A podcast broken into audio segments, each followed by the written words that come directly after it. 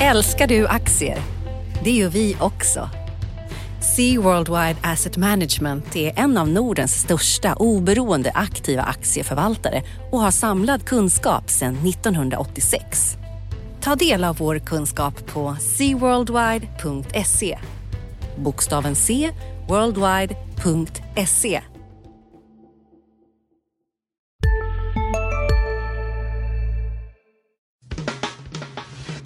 Analyspodden från Dagens Industri.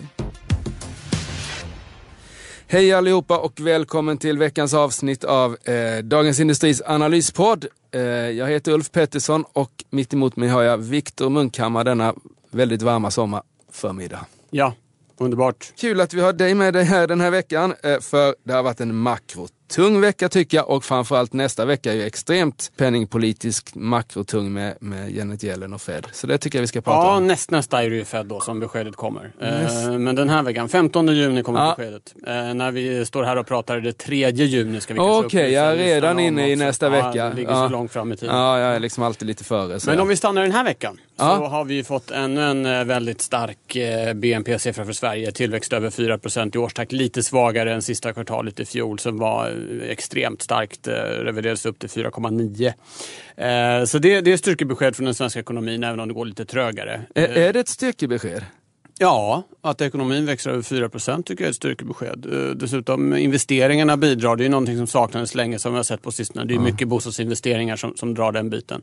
Eh, vi har tidigare sett också att eh, eh, väldigt stark utveckling på, på arbetsmarknaden. Det går lite upp och ner på månadsbasis sådär, men ändå. Så det, det är absolut högkonjunktur. Sen tror jag att eh, bättre än så här blir det inte. Men det betyder inte att det ska bli dåligt utan det kan nog bli väldigt starka utfall också de närmaste kvartalen. Även om de här nästan extrema talen vi hade framförallt i slutet av fjolåret kommer vi nog inte få se igen. För 4 procent, då får man gå tillbaka till 60-talet om man ska hitta sånt där nästan. Förutom det här återhämtningen efter finanskris precis, precis. Det var ju extrema rörelser alls efter finanskrisen. Visst, så det, det är jättestarkt. Och det är ju mycket drivet också. Egentligen ska man väl justera det här per capita. Det är ju mycket drivet av att det har kommit så mycket folk till landet som skapar utgifter i alla möjliga led och sådär. Så att, och den offentliga konsumtionen har Har, har du koll mycket. på om man rensar för det där? Men man hamnar fortfarande på tre någonstans i alla fall. Ja, kanske inte riktigt. Ja, det har jag inte i huvudet. Men, men, men, men, men det är starka tal. Eh, Vi har också fått ett par inköpschefsindex både från, eh, från industridelen och tjänstesektorn och det bekräftar också en, en bra eh, utveckling i den svenska ekonomin.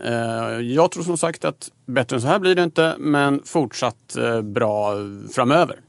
Just det, för det mesta talar i Sveriges riktning. Dels har vi då den här invandringen som gör att, att det ökar och sen har vi då en jättebra bostadsmarknad för, för första gången på länge. Det byggs ju Att det byggs, ja, jättebra bostadsmarknad har vi väl inte, men, det byggs väldigt mycket kåkar i alla fall. Ja, det gör det. Det börjar liksom ta fart Ja, nu. Liksom. ja, men det är ju, det är ju de, De är de ju- största ökningstalen på 25 år. Ja, ungefär. precis. Så jag skulle säga att man är i kapacitetstak när man pratar med folk här. Det krävs liksom mycket Det är, investering. det är bristtal och det är väl ett orosmål när man ska titta på den svenska ekonomin när Mm. vi också pratar om arbetsmarknaden. Eh, Enligt Konjunkturinstitutets beräkningar så är vi nu nere på den nivån på arbetslösheten som är liksom maxfart utan att det börjar uppstå obalanser. Mm. Och det är lite tråkigt att vi ska slå i taket så att säga redan vid 6,7 procents arbetslöshet. Sen kan det säkert vara, man, man skjuter över lite grann och pressar ner ytterligare men att det kan, man skulle gärna vilja att den kunde sjunka ett par procentenheter till utan att det började bli problem med, som du nämner här, brist på elektriker och ja. sjuksköterskor och vad det är och sådana där saker. Det, det vore det bästa. För det här, det här gamla Göran Persson-målet om 4% arbetslöshet, dit, dit kan man inte nå idag för det är liksom ett slack mellan vad vi vill ha gjort och vad folk om man kan ska göra. prata om det så ska man vara medveten om att mätmetoderna har ändrats. Nu mäter man ju folk som går i skolan Mm.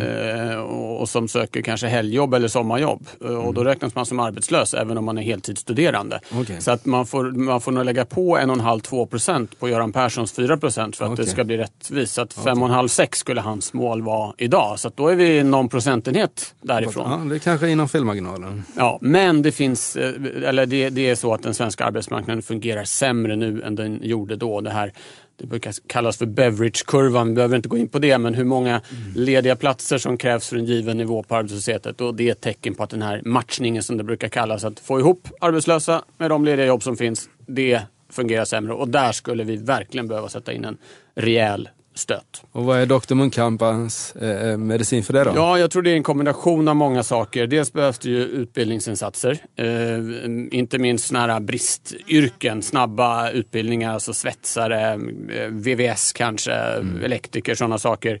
Eh, sen tror jag att det är ofrånkomligt att vi behöver en större lönespridning. Inte minst när den här, eh, alla de här flyktingarna som kom förra året, många har inte den kunskapsnivån att de kan få ett jobb på de lönenivåer som gäller i Sverige. På något sätt måste man göra så att folk kan, kan få ett jobb ändå, även om man inte mm. liksom kan eh, producera det mervärdet som dagens lägsta löner kräver. Exakt hur det där ska konstrueras vet jag inte, men jag tror man måste göra båda de sakerna. Men full fart på båda. Full fart på utbildning, full fart på att hitta lösningar som gör att man, även om man kanske inte kan språket, kanske bara går grundskolan eller inte ens det, har chansen att få ett jobb. Just, För annars då, får vi problem om några Men då år. blir det full fart på budgetunderskottet också, men det är inget som du skulle roa dig för? Uh, ja, alltså såna här, det här är ju en typ av... Uh, man kan ju se det här som en investering, att investera i utbildning för att folk ska kunna jobba. Det, det, det är, liksom, det, det är lite som att bygga Eh, ta bort eh, flaskhalsar på järnvägen. Liksom. Visst, det kostar pengar men det är någonting som samhället faktiskt tjänar på. Eh, och det kostar ju heller ingenting att, att låna just nu. Däremot med budgeten, eh, de här det, det rinner in väldigt mycket skattepengar nu men det rinner ut ganska mycket också. Uh, och det är någonting som har diskuterats på sistone, inte minst Finanspolitiska rådet var ju väldigt kritiska att regeringen inte riktigt har koll på sådana här utgiftsposter som ökar och det funkar bra nu när skattepengarna väller in. Mm. Uh, men sen när det, när det vänder då finns de här utgiftsposterna var, kvar. Varför? Har det blivit väldigt mycket eh, allmän ekonomi här men det tycker ja. jag är spännande. Men du, varför väl skatteintäkterna in då? Ja, den svenska ekonomin, precis som den svenska börsen är en hög betabörs, det vill säga den tenderar att röra sig mer än andra, så är de svenska statsfinanserna hög beta. När vi har väldigt höga skatter och stora transfereringssystem så blir det väldigt, väldigt bra fart in i skattkistan när mm. ekonomin går bra och sen blir det ganska hög fart utåt när ekonomin går dåligt. Stora sådana här så kallade automatiska stabilisatorer, a-kassa och liknande saker. Eh, så att den, de svenska statsfinanserna är väldigt konjunkturkänsliga. Okay. Och nu forsar in pengar. Nu har vi pratat mycket i Sverige. Vad händer på börsen?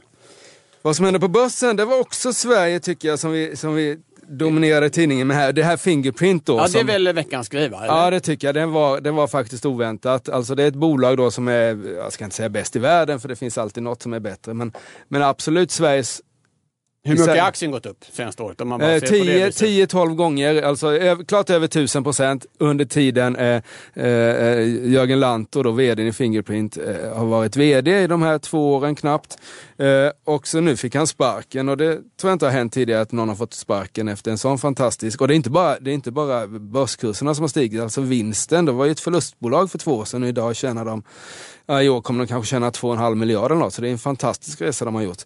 Men sen så fick han ändå sparken och det där, om det, därom tvistade lärde varför han fick sparken. är De som tycker att det här var väl liksom bra, de tar då, eh, tar då sin utgångspunkt i att eh, Jörgen Lantto var teknisk chef där. Han kanske inte är mannen som ska bygga ett globalt internationellt bolag med massvis av samarbeten till höger och vänster.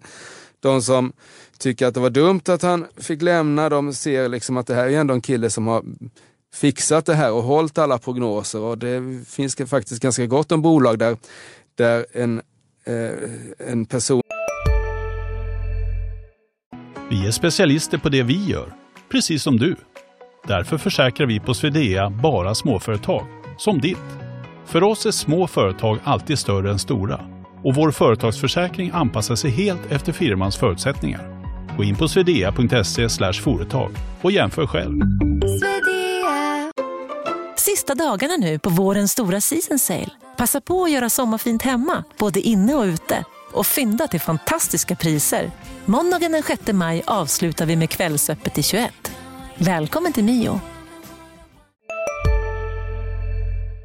som har gjort den här resan även fortsätter att göra bra. Jag menar att vi kan ju ta liksom de här Svanberg och de här som vi hyllar jättemycket, Ola Rolén, de har ju liksom varit med i olika processer och det kanske Lantto kanske var en sån. Och det är en ganska, han hade ju faktiskt en teknisk kompetens vad de gör som var liksom unik. Han, var ju liksom, han hade ju plockat fram de här biometrigrejerna i stort sett, eller var med i alla fall. Eh, och sådär. Och jag tillhör ju då de som tycker att det där var dumt att göra sig av med Lanto nu, för han har ändå, förutom att han har skapat miljardvinster och eh, tiodubblad aktiekurs, eller tiofaldigade aktiekurs, så har han dessutom fått internationella, eh, inte eh, internationella kanske lite grann, men framförallt svenska institutioner att köpa aktien. Den var ju liksom ett skämt när man träffade folk på Sturehof förr i tiden. Det var ju liksom inget som man skulle ta i. Men nu köper liksom Handelsbanken fonder och, och, och lite sånt där aktier i det här och det kan ju vara att de lämna aktien nu när man inte vet vad som händer egentligen. Ja, det är väl lite oklart vad det här berodde på. Det, jag, jag, det spekuleras väl i att den förre vdn, eh, på, som också är storägare, ligger eh, bakom. Karlström ja. ja att, mm. Johan, Karlström, ja, att, att Lanto fick sparken. Men det är inte riktigt klarlagt. Nej, han, han, han har ju förnekat det, Karlström. Karlström är ju en väldigt märklig figur. Jag gillar ju sig när det finns märkliga figurer i en, en ska vi säga, strömlinjeformad mm, finansmarknad och sådär. Men han är ju verkligen taggig. Han kör ju full fart på Twitter om allting och lägger liksom i stort sett prognoser på Twitter. Sitter inte i styrelsen men sitter, har däremot suttit häktad för insider, misstänkt insideraffär och sådär. Så han, och är storägare då. Eh, och hur mycket han har påverkat det här det vet man inte men om man är eh, största ägare så kanske man har mycket att säga till om man borde ha det. Så, ja, det och, och, då, och då så och då är det liksom, man skulle vilja, nu var ju Lantto ute och sa att han inte förstod varför han fick sparken och tyckte det var tråkigt och sådär. Och jag, jag tror att det, alltså bolaget är inte så stort, det är ett par hundra anställda och det är klart att eh, de har ju, undrade ju säkert igår vad som hände och sådär och det är inte alls alls bra liksom, i ett sånt här skede. Så jag tycker det var, det, det var liksom märkligt. Och den här killen de fick in då, eh, eh Christian Fredriksson från eh, det här finska F-Secure har ju man säger ju att ja, han har verkligen byggt storbolag, eh, varit med i Nokia och sådär, men jag menar Nokia var inte så roligt eh, under tiden som han var där, alltså fram till 2012, alltså deras... Var väl inte så mycket bygga då kanske? Nej, det var inte så mycket bygga och, och som FCK har ju inte växt alls sista fem åren eller fyra åren som han har varit där. Så jag får se, jag tycker det, jag förstår att börskursen eh, backade 10% här. Nu är ju då Fingerprint riktigt lågt värderat helt plötsligt med tanke på eh, dessa vinster som de gör i år här. Så vi får se, men jag tycker man ska avvakta där. Jag har faktiskt varit nästan lite köp köp, jag har köprekommenderat det i vår podd för någon månad sedan. Men nu hade jag haft någon, liksom, hade jag varit en mäklare eller analytiker skulle jag dragit ner min köprekommendation till neutral i alla fall. Mm, Okej. Okay. Ja. Eh, det var det och sen så har vi då full fart, om, vi fortsätter, om jag får fortsätta prata så är det börsnoteringarna som är den stora grejen. Mm. I veckan träffade jag den nya eh, Stockholmsbörschefen, en finne här, eh, eh Lauri Rosendal, som pratade om högtryck. Ja, ja det fortsätter. Det fortsätter det lika starkt som eh, svensk BNP.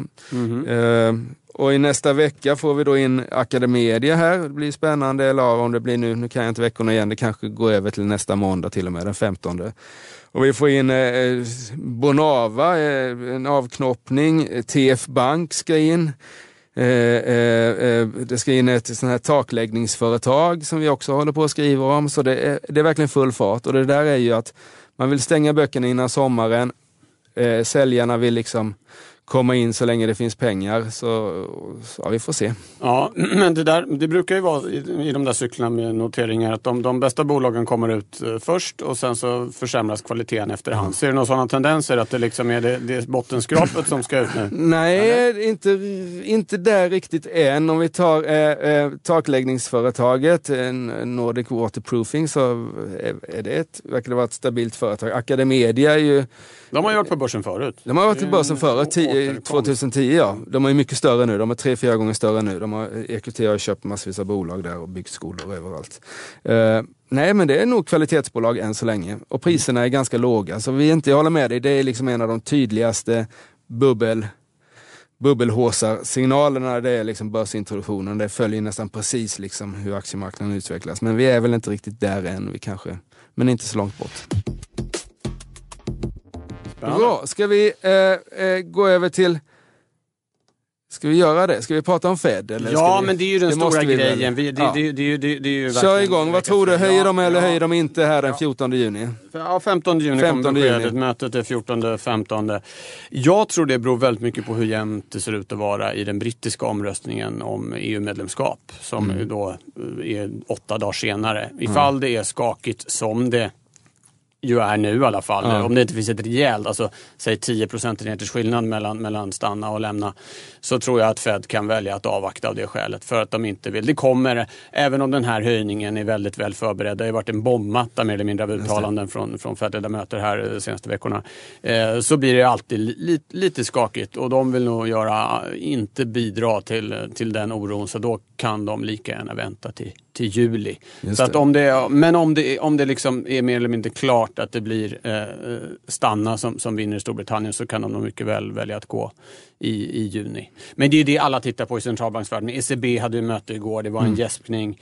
Eh, Mm. Det är Brexit som är grejen. Mm. Ja, Fed och, och Brexit då. Och jag tror att, att, att Feds agerande blir väldigt avhängigt hur det ser ut med, med Brexit. Men att det blir en höjning till sommaren det är väl väldigt klart. Så att juni eller juli. Men du gissar på, eller gissar, du, din, din analytiska förmåga pekar på juli istället. Min analytiska förmåga. Ja, Min, min, min titt på hur det ser ut i opinionsmätningarna om Brexit pekar just nu på juli. Ja. Men det, kan ju, det, det kommer ju mätningar hela tiden. Det kan ju hända någonting som gör att det svänger om på ett tydligt sätt. Men, men det, är liksom ingen, det är inte värt det för dem att ta den risken. Det är bara onödigt när de kan vänta sex veckor. Ja, för det är väl inte varje gång som de har liksom möte både juni, alltså två månader efter varandra sådär? Ja, men alltså, de har möten åtta gånger per år. Så att ibland Ja. blir det så att det kommer Ja. lite tidigt en månad och så lite sent en månad. Just. Så det är slutet av juli det där mötet. Ja. Sen en, en grej som liksom inte skulle tala för det är att de av någon anledning som är jättekonstig bara har presskonferens efter vartannat möte.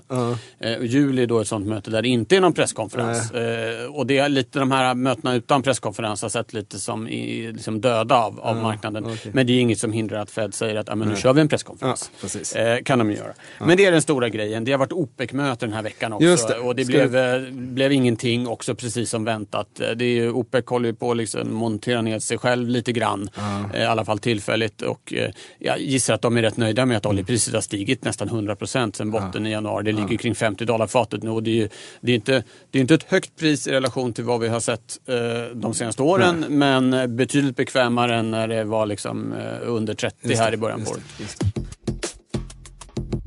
Ska Bra! vi eh, tacka lyssnarna? Det tycker jag. Tack så mycket för att ni lyssnade. Ha en skön helg. Eh, simma lugnt. Eh, det är fortfarande kallt ute i vattnet tror jag. Eh, Och glöm Och- inte solkräm. och glöm inte solkräm och ha det bra. Tack, hej! Analyspodden från Dagens Industri. Podden redigerades av Umami Produktion. Ansvarig utgivare Lotta Edling.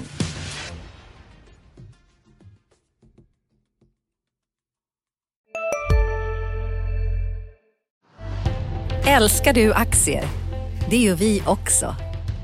Sea Worldwide Asset Management är en av Nordens största oberoende aktiva aktieförvaltare och har samlad kunskap sedan 1986. Ta del av vår kunskap på seaworldwide.se. Bokstaven C, worldwide.se